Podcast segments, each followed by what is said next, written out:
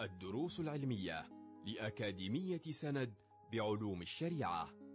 المرحلة الأولى شرح ميسر لمجموعة من المتون المختصرة تفيد المتلقي في دنياه وآخرته.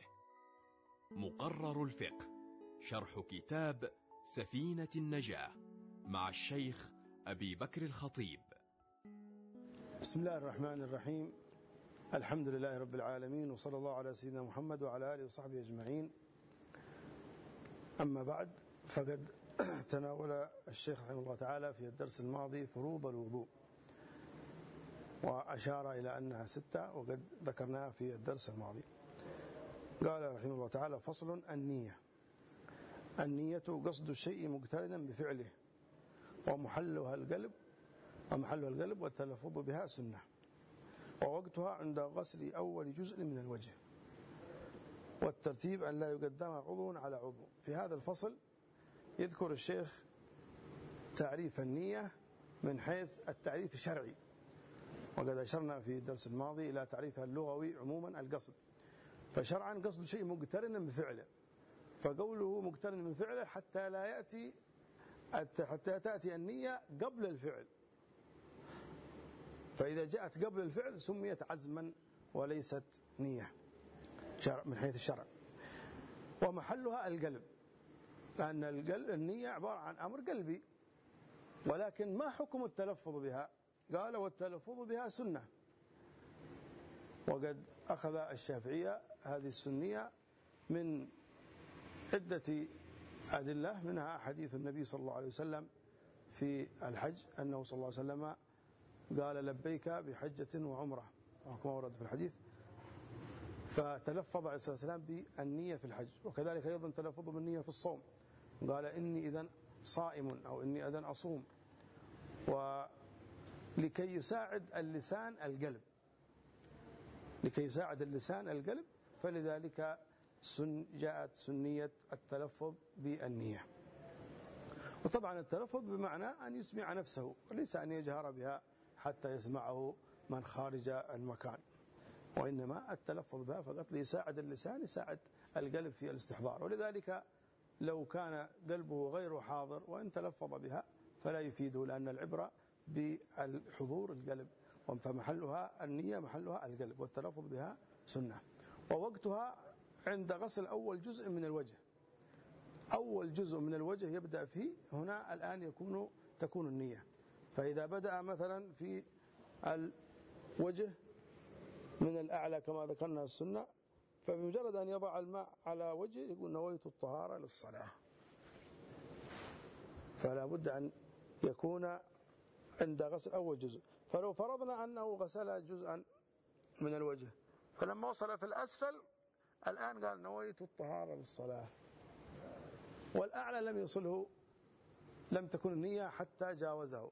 فهذا الآن لا يعتبر غسله لأنه قبل النية فلا بد أن يكون من حين أول ما يضع الماء على وجهه ينوي الطهارة للصلاة ويغسل وجهه كله وينتبه أيضا للأطراف التي على الوجه. ووقتها عند غسل أول جزء من الوجه. كذلك أيضا ذكر الشيخ هنا أيضا الترتيب وقد أشرنا إليه فيما مضى لا يقدم عضو على عضو. وهنا بعض المسائل المهمة في الوضوء. من جملة هذه المسائل إذا وجد مثلا المتوضي بعد أن أنهى وضوءه لمعة في يده مثلا لم يصلها الماء تحقق أن هذا المكان لم يصله الماء. وجاء وإذا هو نعم أنا لما غسلت يدي لم أنتبه لهذا المكان. فماذا يفعل الآن؟ لابد أن يذهب ويغسل هذا المكان. ولا يكفي أن يقول يدي فيها بلل وأمسحها لأن هذا مسح وليس غسل. ولا بد من جريان الماء على العضو فيذهب ويغسل هذا المكان ثم يمسح رأسه ثم يغسل رجليه لأن الترتيب فرض من فروض الوضوء.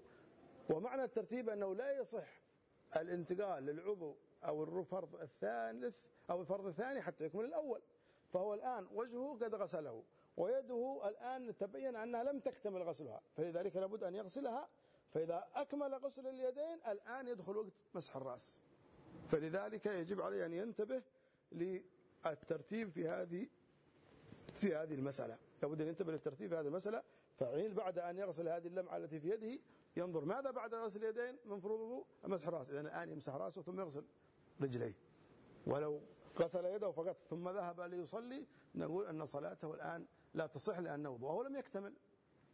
وإن كان هو قد غسل وقد مسح رأسه وغسل رجليه لكن ليس في وقتها. غسل مسح رأسه وغسل رجليه لكن ليس في وقتها لأن وقتها بعد استكمال اليدين.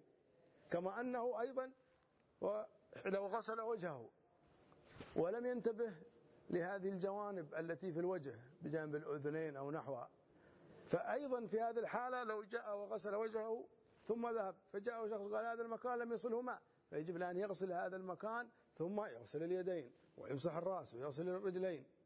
ولكن لو كانت هذه اللمعة في القدمين فيغسلها فقط لأنه ليس بعد غسل القدمين شيء هو آخر فرض وآخر عضو من أعضاء الوضوء القدمين. فلذلك يغسل اللمعة التي في قدميه ثم يذهب للصلاة.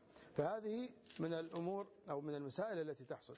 كذلك أيضا استكمال من أجل استكمال الفائدة نذكر بعض سنن الوضوء وهي كثيرة جدا لكن من أهمها أولا التسمية بل قال بعض العلماء بوجوبها فحينما يريد أن يبدأ في الوضوء يبدأ بالتسمية. بسم الله الرحمن الرحيم. لحديث لما وضوء لمن لم يسمي الله. قال الشافعية أي لا وضوء كامل.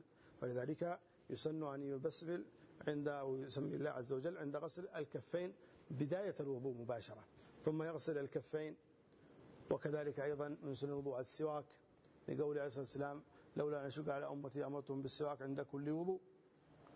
فيتسوق يستاك ويسن أن يضع الخنصر والإبهام من أسفل وبقية الأصابع من الأعلى ويذهب ويغسل ويدلك أسنانه ويستاك من ثلاثا في الأسنان عرضا وفي اللسان طولا.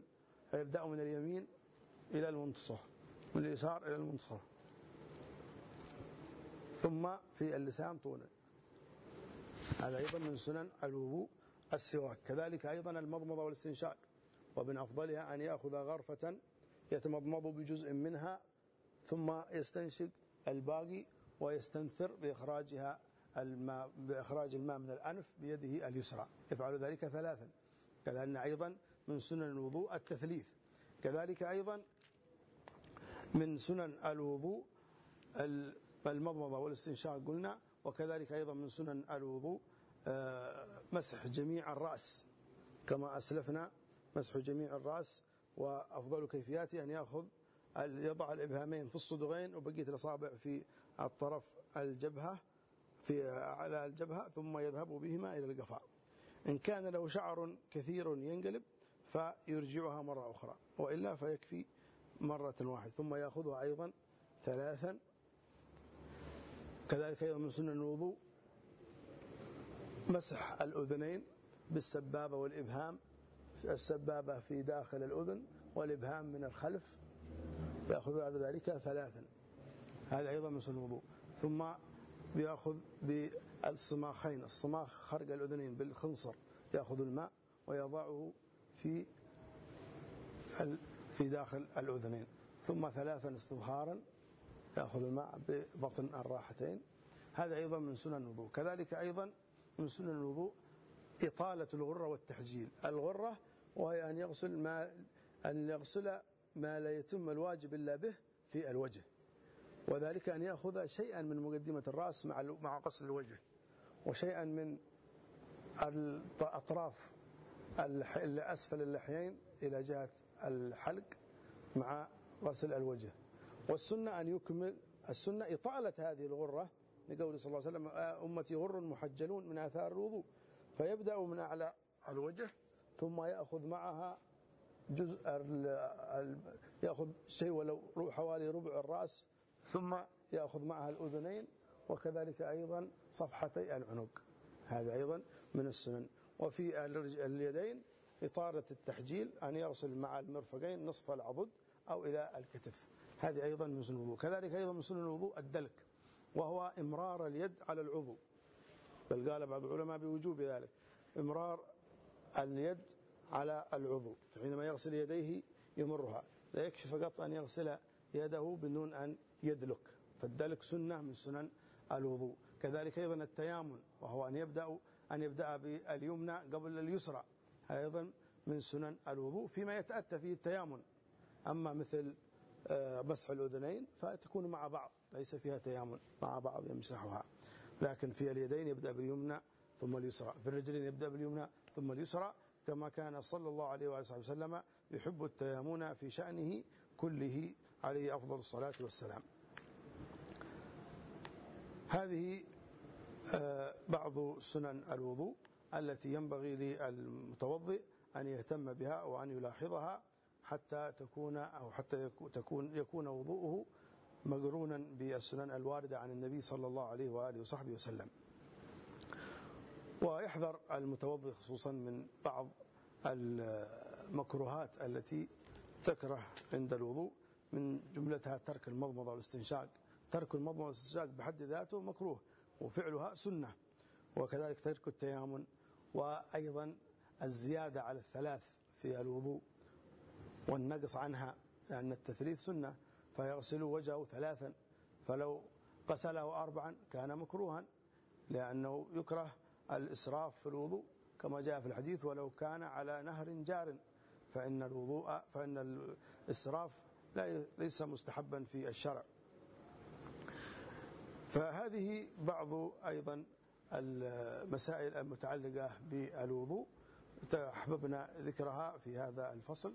نسأل الله سبحانه وتعالى أن يجعلنا وإياكم من الذين يستمعون القول فاتبعون أحسنه ربنا آتنا في الدنيا حسنة وفي الآخرة حسنة وقنا عذاب النار. ربنا لا تزغ قلوبنا بعد إذ هديتنا وهب لنا من لدنك رحمة إنك أنت الوهاب. ربنا اغفر لنا ذنوبنا وإسرافنا في أمرنا وثبت أقدامنا وانصرنا على القوم الكافرين. ربنا عليك توكلنا وإليك أنبنا وإليك المصير. ربنا ظلمنا أنفسنا وإن لم تغفر لنا وترحمنا لنكونن من الخاسرين. برحمتك يا أرحم الراحمين يا أرحم الراحمين يا أرحم الراحمين. وصلى الله على سيدنا محمد وعلى آله وصحبه وسلم. والحمد لله رب العالمين. كنتم مع الدروس العلمية. لأكاديمية سند بعلوم الشريعة. يمكنكم متابعة جميع الدروس عبر موقع الأكاديمية وتطبيقاتها الإلكترونية. سند علم سلوك دعوة.